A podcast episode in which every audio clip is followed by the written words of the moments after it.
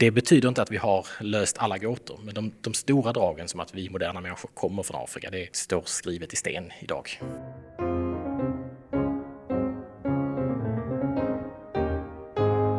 Du lyssnar till Rektorspodden.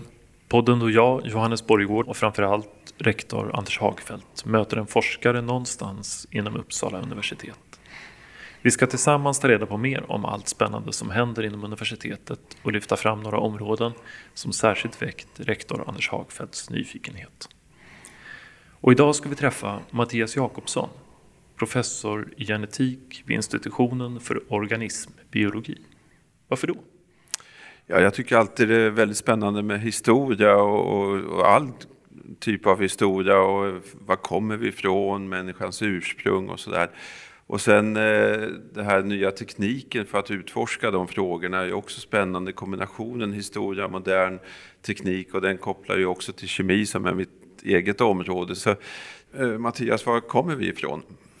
Ja, det där är en eh, mycket bra fråga och den, den, kräver ett ganska långt svar. Så låt oss göra den eh, liksom som en tidshorisont. Så att vi som sitter här i det, i det här rummet eh, skulle gissa ha föräldrar som har eh, fötts och mor och farföräldrar som har fötts i Sverige. Så ja. skulle vi följa vår linje tillbaka i tiden så skulle vi hamna någonstans liksom sen, eh, un, ungefär järnåldern när det, det, blandar sig ganska mycket. Det kommer människor från olika delar av världen och vi är kanske under vikingatid där det rör sig ganska mycket människor i norra Europa. Ja. Skulle vi fortsätta bakåt så, så träffar vi på för kanske 4000 år sedan så kommer det en ny grupp människor till Skandinavien. Det är en herdebefolkning eh, som kommer någonstans ifrån Svarta havet vid den tidpunkten och tar med sig nytt genetiskt material. Så många Y-kromosomer till exempel kommer från just den här migrationen in. Alltså många ja. som finns hos män. Går vi ytterligare eh, tillbaka så att vi är 6000 år tillbaka i tiden, då, då har vi eh, en jordbruksbefolkning som, som kommer hit. Och de, det är en ganska tydlig omvälvning som nästan ersätter eh, hela den befolkning av jägare-samlare som fanns tidigare. Kanske 70-80 procent ja. den storleksordningen. Och skulle vi då följa båda de här linjerna, alltså jägar-samlarlinjen och eh, bondelinjen, så någonstans så träffar de på varandra i den migration som kommer ut från Afrika. Och då är vi kanske i, i Mellanöstern, vi kanske är 60-70 000 år tillbaka i tiden. Och fortsätter vi tillbaka då så går, går vi tillbaka in i Afrika, då är vi 80, 90, 100 000 år tillbaka i tiden. Och vi vet inte riktigt var i Afrika. Det skulle kunna vara så att människor som vandrar ut från Afrika är, levde i Nordafrika, att det är en grupp som vi inte har några spår av idag. Men det kan också vara från andra delar av Afrika, det kan vara Östafrika.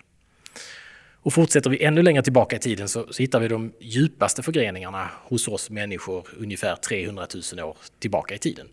Och det är en, en viktig milstolpe för det, det, betyder att alla de här människorna som är ättlingar till de som började dela på sig för 300 000 år sedan är moderna människor. Det betyder att den moderna människan måste ha utvecklats innan 300 000 år sedan. Och, och då börjar vi närma oss neandertalarna, alltså våra gemensamma släktingar med neandertalare och Denisova-människan levde för 600-700 000 år sedan. Och sen kan vi fortsätta så och så kommer vi till schimpans, gemensamma släktingar med schimpans för kanske 7-8 miljoner år sedan.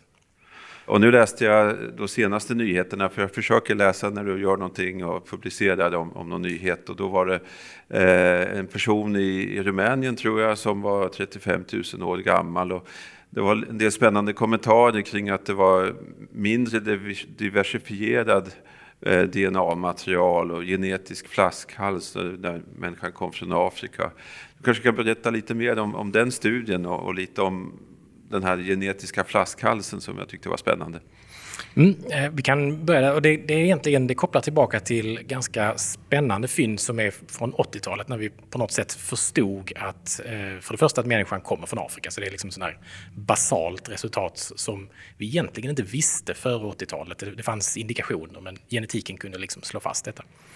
Eh, och som en konsekvens av den eh, teorin som då blev liksom fakta i princip, eh, Eh, så vet vi också att det finns en migration ut från Afrika som människor som koloniserar resten av världen. Och just den typen av händelser brukar leda till flaskhalsar. Att det, är, det är inte jättemånga människor som, som tar sig ut. Och det här har säkert att göra med klimat. Det, är, det öppnas ett fönster när det är gynnsamt att komma ut från kanske Sahara och så över Mellanöstern och så sprida sig över världen. Eh, och då har liksom teorin fram till ganska nyligen, eller till, till idag i princip varit att den här flaskhalsen reducerar genetisk variation hos människorna som vandrar ut ganska fort, för de är få. De är, det blir någon form av inavelseffekt. Men vad vi då kunde visa eh, på när vi tittar på eh, människor som levde utanför Afrika för 35 000 år sedan, är att de har faktiskt ganska hög diversitet. Inte riktigt så hög som, som i Afrika, men mycket högre än senare i, i tiden. Mm. Så, så, det, det liksom leder till att det finns andra förklaringsmodeller, att vi kanske inte längre tror så starkt på att det var just migrationen ut från Afrika som reducerade, utan att istiden ja, okay. har spelat ja. en mycket större roll. Åtminstone i Europa verkar det vara så.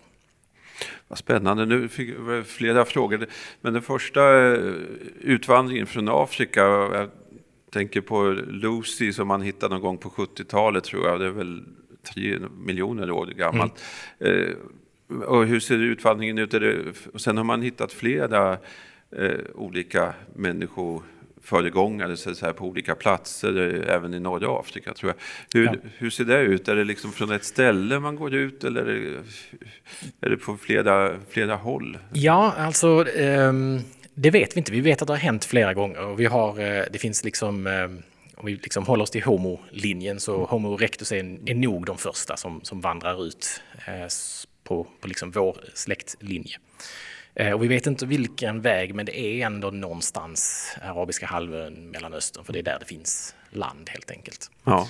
Eh, sen vet vi att detta sker eh, igen, kanske med ska vi säga, neandertalarnas föregångare. Det skulle kunna vara så att de utvecklas ur Homo erectus, men det kan också vara en, en ny migrationsvåg ut. Och sen vet vi, vi vet vår egen migrationsvåg ut som är kanske för 80 000 år sedan när vi moderna människor eh, vandrar ut. Och här finns också ganska tydliga tecken på i princip misslyckade migrationsvågor ut. Så vi kan se moderna människor för 120 000 år sedan i Mellanöstern som inte kommer längre än dit utan de, de ersätts sen av neandertalare som kommer tillbaka på något sätt i, i Mellanösternområdet. Och sen kommer den här stora vågen med de som är våra föregångare, vi som lever utanför Europa. Eller utanför Afrika ska jag säga. Men hur säker kan man vara då? Alltså de här stora dragen kan man vara eh, bra säker på. Det kan vara så att vi har missat händelser, men, men vi gör inte fel på ska vi säga, jämförelsen mellan moderna människor, eh, neandertalare och Homo erectus, alltså på den nivån. För där finns det både det finns bra arkeologi, det finns mycket eh, antropologi, paleoantropologi och det finns också DNA om man håller sig till neandertalare och moderna människor. Men eh, det betyder inte att vi har löst alla gåtor. Men de, de, stora dragen som att vi moderna människor kommer från Afrika, det, det står skrivet i sten idag. Så det vet ni? Det vet vi. Vi är från Afrika? Vi är från Afrika. Och där kan man också, om man vill förfina den eh, biten en, en aning, så kan man säga att man tar eh, en människa från Europa och skulle ta någon här och titta på den personens DNA så kanske 98-99% av DNA kommer från den här sista vågen. Och sen kanske man har en, en och en halv procent från neandertalare. Men den kommer då från en tidigare våg ut från Afrika. För neandertalarna kommer också från Afrika. Mm. Bara det att deras förfäder och förmödrar kommer lite tidigare ut från Afrika. Och, och, samma resonemang skulle det vara om vi skulle haft inblandning från Homo erectus. De kommer också från Afrika någon gång. Ja, jättespännande. Och, och sen när man hur man kommer till Mellanöstern ungefär, och du sa att någon fastnar där så att säga. Mm. Eh, och vad händer? Några tar till vänster till Europa och några går höger till Asien, eller hur, hur ser det ut? Det där är en, eh, en, riktigt olöst gåta. Alltså det, där, eh, det är ganska tydliga genetiska skillnader. Nu pratar vi liksom i medeltal mellan människor i Europa och människor i, i Asien, framförallt Östasien. Och det finns ju gradienter såklart på de här nivåerna också, men, men ganska fort så sker den här fördelningen. Eh, och än så länge så har jag inte sett någon som har presenterat liksom en, rimlig förklaring varför mm. vissa tar höger och vissa tar vänster i, i den processen. Aha. Om vi går till oss själva, det vi kallar Sverige idag, så säga, det vet jag också du gjorde för några år sedan en studie om hur jordbruket kom, kom till Skandinavien och, och så vidare. Och, och hur, hur, ser och, och att hur ser den, det kommer någon del norrifrån tror jag och sen är det en del söderifrån och så träffas man någonstans. Ja, Ja, det, det, är liksom, eh, det är två olika resultat här. Ja, så att eh, det, okay. ena, det ena handlar om jordbruket. Ja. Och jordbruket är, det är en sån här eh, en, liksom en gåta som det har nog liksom forskare har ställt sig frågor i hundra år på hur sprider sig jordbruket från en plats till en annan. Och den, den gängse teorin upp till, ska vi säga 2012 kanske, var att jordbruket sprids som en idé. Att det är människor som eh, brukar jorden och sen så lär grannarna sig det. Alltså, de människorna som bor nära, de, de förstår hur man gör, så, så tar de den tekniken. Ja. Så sprids den och det, det, tar fortfarande många tusen år. Och det kan man se i, eh, i arkeologin, så man kan se det i verktygen, att de kommer någonstans från Mellanöstern och når hela vägen till, eh, till Skandinavien för kanske 6000 år sedan.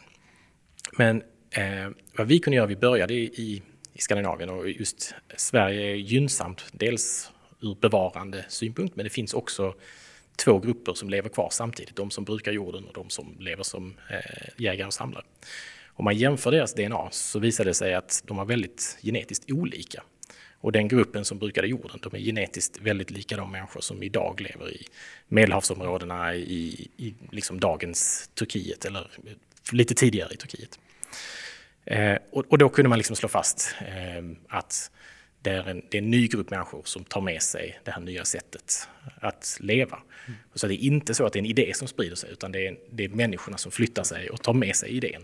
Men det där är också intressant, för då, då går du så att säga mot en gängse vetenskaplig teori kanske? Mötte du motstånd och så här och debatter eller hur, hur togs det emot? Ja, otroligt mycket motstånd. Aha. Det finns, eh, om man går tillbaka till 2012 och några av mina kollegor som hade liknande idéer 2009 redan det finns liksom radioprogram på, S, på vanliga Sveriges Radio som endast handlar om hur fel detta resultatet ja. är utifrån ett, mm. ett annat synsätt. För den, den liksom traditionella synen är att det här är en idé som sprider sig. Människor rör inte på sig över de här stora områdena. Ehm, och, och där har vi, alltså, på något sätt så har ju vetenskapen kommit ifatt för att det här har visat sig, om man tittar i andra delar av Europa så ser man exakt samma mönster. Mm. Och där var liksom vi i Sverige var först ut med att säga att det ser ut så i Sverige, kanske det ser ut så i hela Europa. Och det, det gör det.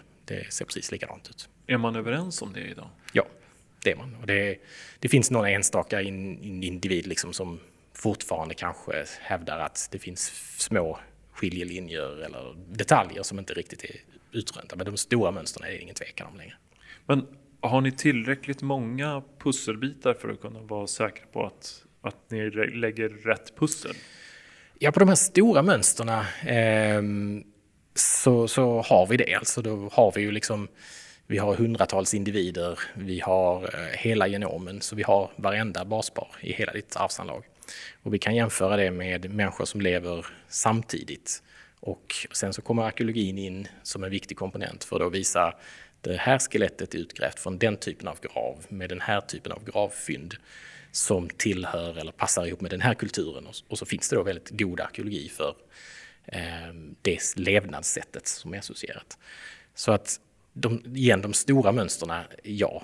Sen kan det finnas, eh, och det finns nog väldigt många spännande frågor som, som rör regionala eh, avvikelser kanske från de här. Och det finns säkert eh, kulturer som gör på något annat sätt än just den här, ska vi säga, övergripande mönstren. Och de kommer att bli väldigt spännande nu i framtiden och titta närmare.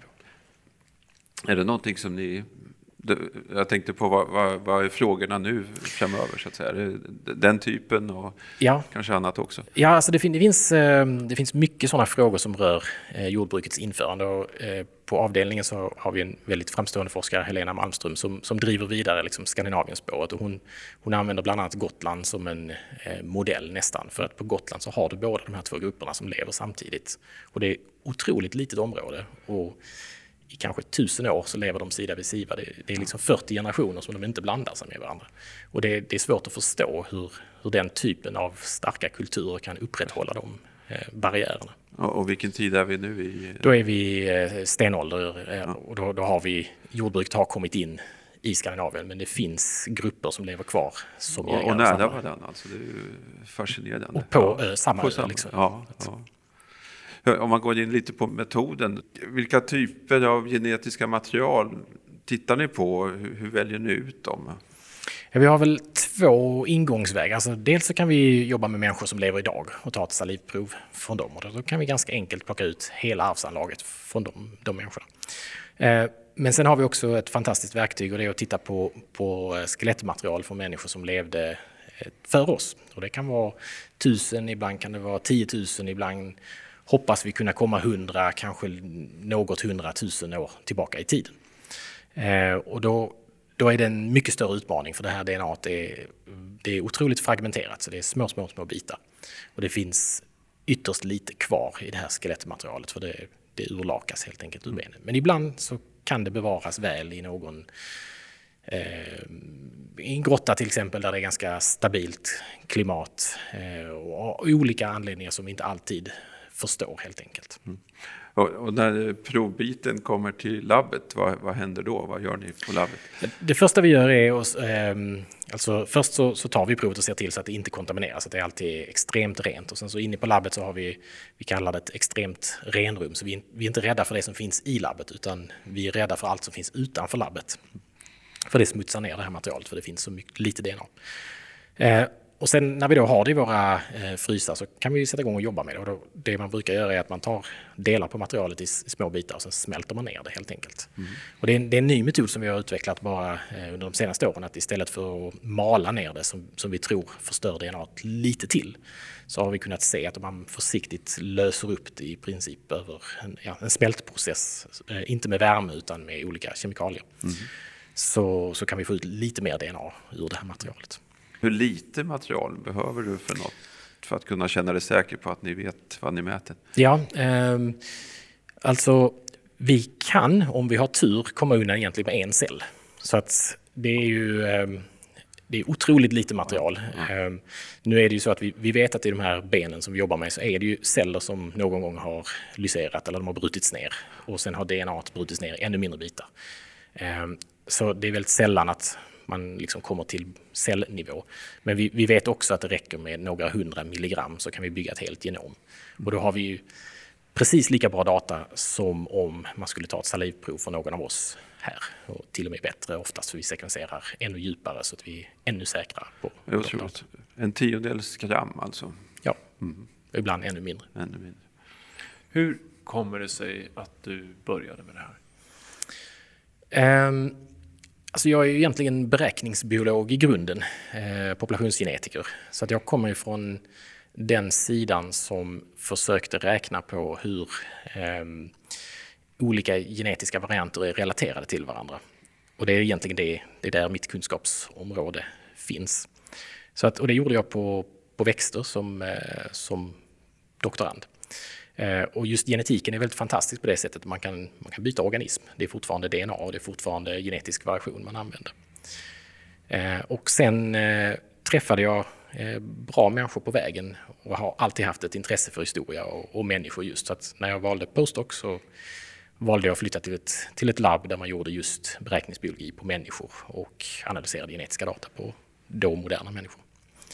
Eh, så det är den vägen. Sen, sen minns jag ju liksom när jag var, före jag kunde läsa, att jag satt och bläddrade i böcker om, liksom, med bilder på Homo erectus och Australopithecus. Och, alltså den typen av eh, grafiska bilder med väldigt spännande ja. liksom, visuella. Jag minns att jag kunde inte läsa, jag bara satt och bläddrade.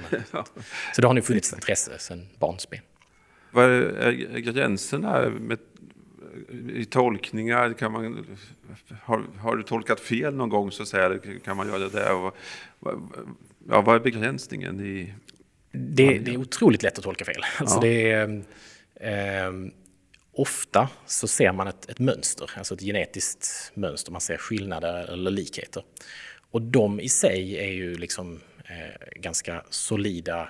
Det är datagenererade och sen så räknar man någon, eh, ja, man estimerar någon parameter eller någonting annat. Och de är ju liksom goda och bra data. Men sen hur man tolkar det, om om det beror på den hypotesen eller den hypotesen, där kan man lätt hamna fel. Liksom.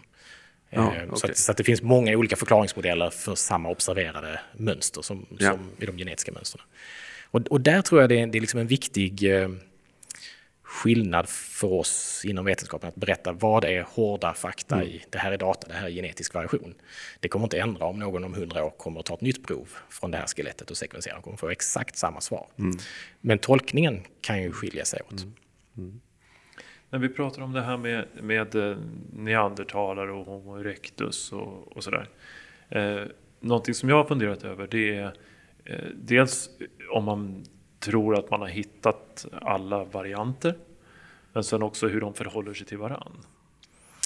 Ja, ehm, alltså än så länge ehm, så, så de, de individer som har ska vi säga, identifierats som neandertalare från ett skelettperspektiv, de är genetiskt lika varandra och de är väldigt genetiskt lika varandra. Och det, det har visat sig att neandertalarna hade ganska låg diversitet, åtminstone de prov som har analyserats. Så det, det är inte jättemånga, det är en handfull ungefär. Eh, sen är ju Denisova-människan är ett väldigt spännande exempel, för det är ju egentligen den som sticker ut. Eh, det, Var har man hittat den? I en grotta i Sibirien. Eh, och där var det så att det fanns så lite material. Det fanns en tand och det fanns en, en bit av ett finger Eh, och de flesta som tittade på det morfologiskt trodde att det här är nog Homo erectus eller någon tidig homoform. Eh, och det visade sig att det gick att få ut DNA ur det här och då, då är det en, en grupp som är genetiskt ganska lika neandertalarna. Vi har ännu inte helt löst frågan i hur de passar in. Alltså man kan tänka sig att de är, de är på samma gren som neandertalare men att de har fått ett bidrag av kanske, kanske Homo erectus. Eller så skulle det kunna vara så att neandertalarna är en blandning av moderna människor och Denisova-människor. Ja. Och där, det är också en sån här aktiv fråga som jag tror att vi, vi kommer att få ett svar inom några år eh, på den. Jag vet att du också varit inblandad i det här med död, Döda havsrullarna. Så, så dels det, det, är intressant i sig, men sen är det också hur mycket eh, av forskning kommer frågor utifrån. Jag kan tänka mig att det finns många som vill analysera och kommer till ert labb och kan ni titta på det här och, och så vidare. Och, men även era egna idéer förstås. Ja, eh, det händer ibland och just det här exemplet med Dödhavsrullarna eh, är ganska roligt för det var det är en forskare som egentligen han är eh, molekylärbiolog och sysslar normalt med andra saker, väldigt framstående forskare i Israel. Men som var här och besökte en, en kollega till mig. Och sen så satt vi och drack kaffe bara och pratade och så berättade han att han hade ett sånt här, han kallade det sitt drömprojekt, men det var liksom inte det han hade pengar för att göra egentligen. Eh, och då, då, hade han en utmaning i att de hade fått massa små, små fragment från Döda havsrullarna som de skulle då eh, försöka pussla ihop och försöka använda DNA-teknik. Och så berättade han hur de hade försökt göra det i sitt labb i Israel och det enda de fick fram var då människor och liksom hela tiden modernt DNA. De kom liksom inte åt DNA som fanns i materialet. Och då så råkade han eh, veta att jag sysslade med, med gammalt DNA också. Så, så då, då, ur den kaffediskussionen där så, ja. så föddes den här idén. Och liksom, där var det mer, jag skulle, för mig var det som var spännande, det var att det är liksom ett pussel man ska försöka lägga. Eh, vi ska försöka pussla ihop de här bitarna med DNA. Och verktyget är ju att vi kan se om de här två skinnfragmenten kommer från samma djur. Mm. Och då vet vi att ja, men de, de ska verkligen sitta nära varandra i, i de här fragmenten. Ehm, och, och vad, man, vad, man, också vet liksom från historiskt är att det är långa, långa rullar med många djurhudar inblandade. Så det finns en, en möjlighet att veta om eh, okay. två bitar ska sitta på samma eh, stycke så att säga. Ja. Ja, det är spännande. Ja, kaffe är ju forskningens kemi, tror jag, på många sätt. Mycket som händer på kaffepauserna. Framåt, så, så här, kan du berätta lite om vad ni tittar på nu eller har du någon sån här drömfrågeställning? Alltså vi har, eh, vi har ett projekt som, eh, som är i slutfasen i den första delen av projektet där vi, har, eh, vi, vi kommer att publicera ett nytt världsrekord i mängd, ska vi säga, Denisova-material i moderna människor. Jaha. Så vi har hittat en, en, grupp människor som har den högsta nivån av alla människor i hela världen. Ehm, och då är vi uppe på nivå nästan 5-6 procent som kommer ah, från okay. Denisova-människan. Eh, och, och, det här projektet eh, startade egentligen som ett ganska eh, modest försök att eh, spåra historien i en del av Sydostasien. Eh, och här, här finns det liksom en dröm om att få gräva lite djupare i de arkeologiska lagren. För mm. det är mm. möjligt att det här har hänt ganska nyligen. Vi, vet, vi har ingen aning om när, de här, när Denisova-människan har träffat på eh, de moderna människorna och blandat sig. Eh, men vi får se om vi får, får till, eh, tillstånd och så på, på det materialet. Okay. Just den där frågan, eh, när? Alltså, när ni tittar på ett, ett resultat, hur, hur, vet man när det blandades? Mm. Hur gör man det? Måste man eh, samarbeta med andra? Är det arkeologens material som hjälper er också då? Eller det, kan ni se det själva? Nej, det, det, är oftast inte arkeologens material för vi kan... Eh, eh, det finns bra exempel på där och det är mer paleoantropologer som säger att den, den, här morfologin ser ut som det är en blandning mellan en neandertalare och en modern människa. Mm. Sen går man in och tittar genetiskt. Nej, det var det inte. Det var en modern människa, men den kanske morfologiskt ser lite annorlunda ut. Och, och det finns åt båda hållen den typen av eh, resultat. Och ibland så visar det sig att det verkligen är så att det kanske var en person som hade ganska mycket neandertal. Morfologiskt? Vad? Eh, ska vi säga skelettutseende. Eh, man kan liksom se hur skelettproportioner är. Så neandertalare vet vi till exempel att de har ganska kraftiga ögonbrynsbågar och deras skallben är ofta lite grövre än, än moderna människor. Saknar haka till exempel. Det finns vissa sådana karaktäristiska drag. Mm. Eh, men eh, för att komma till, till liksom det vi kan bidra med som genetiker då, det är att vi kan, vi kan liksom använda mängden, eller längden ska jag säga, på DNA-snuttar som kommer från den ena eller den andra gruppen.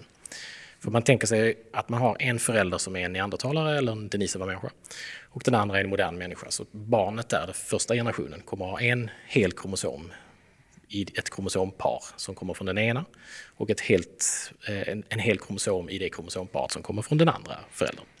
Nästa generation så kommer du att bryta ner den här i halva bitar och sen i fjärdedelar och så mindre och mindre och mindre block. Så längden på de här fragmenten eh, kan vi använda för att räkna baklänges hur lång tid i, tillbaka i tiden som den, de här föräldrarna träffade och fick barn. Ja, fascinerande. Hur, hur, jag, jag tänker på det här med blandning av gener och sånt där. Det blir inte totalt ihopblandat i något läge? Vi är kanske inte där än, men om man går jättelångt fram i tiden kan man fortfarande spåra tillbaka? Eller, eller blir det ja, mer blandat så att säga? Ja, eh, det vet vi inte riktigt. Eh, och det är, ju, det är också en sån här, ska vi säga, nästan vetenskapshistoriskt intressant fråga. För skulle, skulle jag fått den frågan slutet på 80-talet, början på 90-talet, hade de flesta genetiker hade, hade då sagt att nej, vi, vi är så pass lika så det går inte att se skillnader över nej. världen. Trots att det kanske finns liksom fysiska skillnader, så på genetisk nivå är vi så pass lika så vi kan inte se någon skillnad. Men i början på 00-talet så, så dyker det upp tillräckligt bra metoder för att titta på hundratusentals markörer. Och då visar det sig att det finns ganska starka korrelationer med geografi och genetiska varianter. Mm. Eh, och, och de, finns, de finns idag. Eh, så att över Europa till exempel så, så, finns det ganska stark korrelation mellan en individs, om, om en individ har sina fyra eh, mor och farföräldrar födda på en plats, så är de genetiskt mer lika andra individer från, från de områdena och det, det kan man mäta. Liksom. Ehm, men vad det också har visat sig är att det är inte så att det finns en viss genetisk variant som alla i Spanien har till exempel, utan det är snarare så att det finns vissa genetiska varianter som är lite vanligare i Spanien än de är kanske i Tyskland eller de är i Sverige. Och om du har hundratusentals av de markörerna så kan du se de här mönstren. Men de går inte att se med tusen eller tiotusen genetiska varianter. Och sen kan man också ställa då frågan hur länge eh, har de här mönstren funnits? Mm. Eh, och, och, där har liksom den här ska vi säga, gammalt DNA eller ancient DNA-tekniken hjälpt oss. Att, då kan vi gå kanske fem eller tiotusen år tillbaka i tiden och se, fanns de här mönstren för, för så länge sedan? Och det, mycket förvånande svaret är att nej, det fanns de inte. De har, de har byggts upp eh, under kanske ja. två, tre, fyra tusen år. Och de går inte speciellt långt tillbaka i tiden. Nej. Mm -hmm jag hoppar tillbaka till metodutvecklingen igen. Är det, om du tittar 10-20 år framåt, vad är, vad är förbättringarna och vad kan de innebära? Ja, eh, här, finns, alltså, här finns molekylära för, för, förbättringar. Liksom. Eh, att, jag tror bara snabbhet, det kommer att bli snabbare, mm. eh, kommer att bli billigare, alltså sådana här klassiska innovationssaker.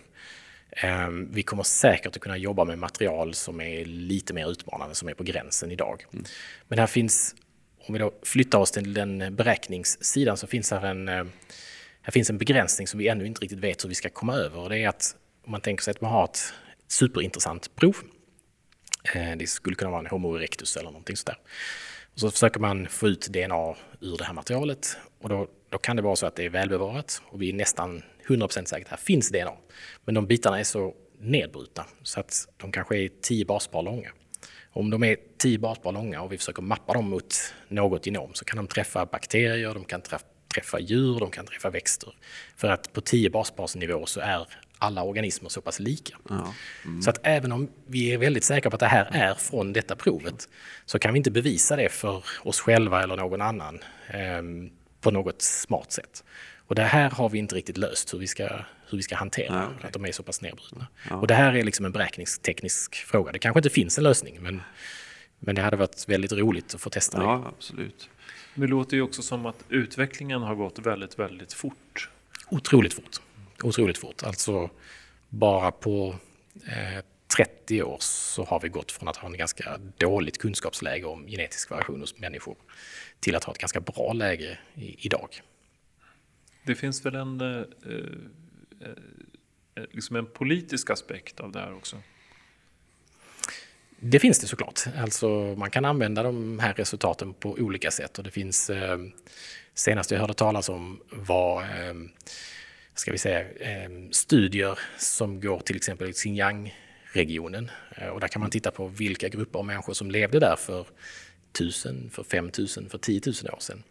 Och beroende på vad man då får för resultat så går det att använda liksom i den politiska eller till och med problematiska eh, situationen som är där. Men, men då är det fortfarande så man får liksom komma ihåg att forskningen i sig är ju neutral i spelar ingen roll vem som har varit på en viss plats vid en viss tidpunkt. Eh, och det är kanske viktigt för, för forskningen att berätta det. Att bara för att en grupp människor har levt där i tusen år så betyder inte det att de har större eller mindre rätt till det. Eh, vilket egentligen går emot ganska, ska vi säga, tydliga eh, FN-deklarationer om ursprungsbefolkningars rättigheter. Så, att, så vi har egentligen skapat ett problem med den typen av bestämmelser som, som man har full förståelse för att de har utvecklats, för de har utvecklats för att försvara rättigheter hos minoritetsbefolkningar. Men de skapar också verktyg som kan användas åt andra hållet, tyvärr. För min egen, bara för att förstå, när vi säger ursprungsbefolkning, vad, vad, menar vi då egentligen? För jag tänker om vi kommer från Afrika allihopa så är det där ursprunget så att säga. Men Precis. vi använder ju ändå ursprungsbefolkning, hur definierar vi? Ja, eh, och det där är, egentligen så är din liksom första inställning den, nog den korrekta. Vi, vi är alla ursprungsbefolkningar på ett eller annat sätt, mm. för vi, vi har ett gemensamt ursprung allihopa. Eh, så, så det där är, är man får hålla reda på vad ja, man pratar om, absolut. om det är juridik eller ja. eh, vad ska vi säga, eh, evolutionär genetik. Tänker ni på det när ni publicerar era resultat? Oh ja, oh ja och vi, vi samarbetar väldigt ofta, eller i princip alltid, med olika former av, eh, av eh, vad ska vi säga, eh, liksom föreningar som tittar på rättigheter för, eh, för ursprungsbefolkningar. Och ofta vill man komma så nära som möjligt de människorna som verkligen ska vara med i studien. Så har man tur så finns det liksom en lokal organisation för den gruppen som, som man vill jobba med. Och då kan man presentera den studie man vill göra för dem och sen så är ju alltid fritt deltagande och liksom med, med väldigt tydliga etiska principer hur deltagande fungerar. Eh, och ibland är det så att det finns utöver det individuella så finns det också kanske en grupp som, som kan ge eh, ett medgivande, alltså en, en, organisation som försöker skydda eh, minoritetsbefolkningar som i många delar av världen tyvärr är marginaliserade och, och liksom lider av stigmatisering från ibland en, en regering men ibland från andra, andra människor i närheten. Men vad vi också har sett, eh, till exempel i Sydafrika, är att de resultat som, som kan komma ur de här studierna är att det, det reser någon form av stolthet för många människor att eh, se sina rötter. Jag är en del av den här gruppen som har levt kanske på den här platsen ganska länge eh, och har en, en lång tradition eh, och inte då vara kanske en marginaliserad befolkning som i många sammanhang har blivit utnyttjade av kolonisatörer till exempel. Och, och den sidan är ju liksom den, den, ljusa sidan av många av de här studierna. Mm. Man kan liksom förstå hur vi är sammanflätade, vi människor. Ja, precis. En, en, helt annan fråga som lite hobbyhistoriker om man gör sin släktforskning och tar prover och sådär. Har du något tips? Eh, eller vad ska man eh, inte övertolka eller hur, hur, gör man det på ett bra sätt helt enkelt? Så. Ja, och det, det, har ju blivit jättepopulärt att ja. skicka DNA till lite olika företag och så får man ett svar. Och idag är de, de flesta av de här företagen, åtminstone de, många av dem är seriösa. De är liksom skickliga och de gör bra, tar fram bra data. Sen gör de ju liksom, vad ska vi säga, lite förenklade tolkningar. De, de säljer ju en produkt som, eh, som säger att du ska ta reda på var du kommer ifrån. Mm.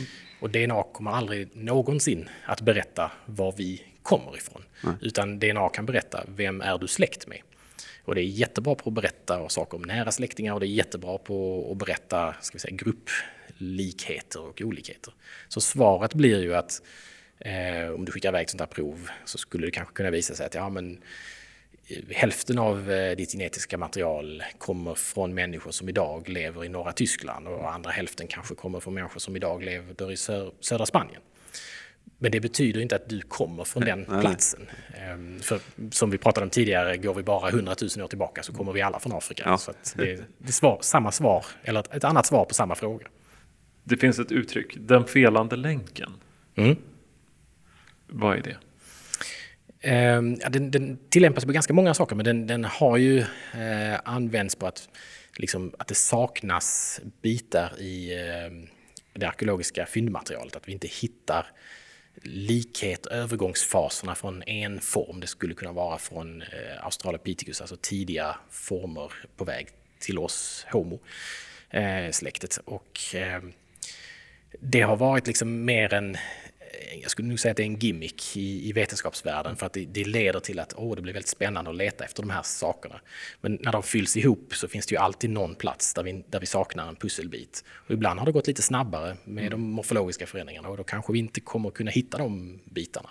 Men människans släktträd i sig är långt ifrån upplöst, men liksom de stora dragen att vi har gemensamma eh, förfäder med schimpanser, ja det, det är inte det är ingen eh, vetenskaplig fråga längre, utan så är det.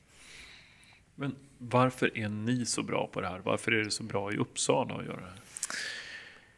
Ja, det är en bra fråga. Alltså, det finns ju, det finns ju ganska mycket, jag ska säga, det finns en tradition av att vara intresserad av människans historia. Ehm, alltså vi har ju, det har funnits labb som gör gammalt DNA i Uppsala i 20 år. Eh, och de tidigare mm, försöken var kanske inte helt lyckosamma. Vi har eh, framstående personer som Svante Pääbo som, som studerade i Uppsala också i någon form av kombination av ett intresse av historia och medicin och så. Så att jag, jag skulle vilja säga den, den, fria tanken att vi, vi har eh, en fördel av att befinna oss på ett universitet där det finns många olika discipliner representerade och att vi kan Eh, njuta av den eh, möjligheten att inspireras av olika discipliner. Och det är ganska unikt. Det, det finns inte på så många platser i, i världen längre. Tack så mycket för att du kom hit. Tack, tack för att du var med i Rektorspodden. Tack. Stort tack Mattias och jättespännande och lycka till fortsättningen och finns alla anledning att komma tillbaka och höra nya spännande forskningsresultat från ditt labb. Tack så mycket.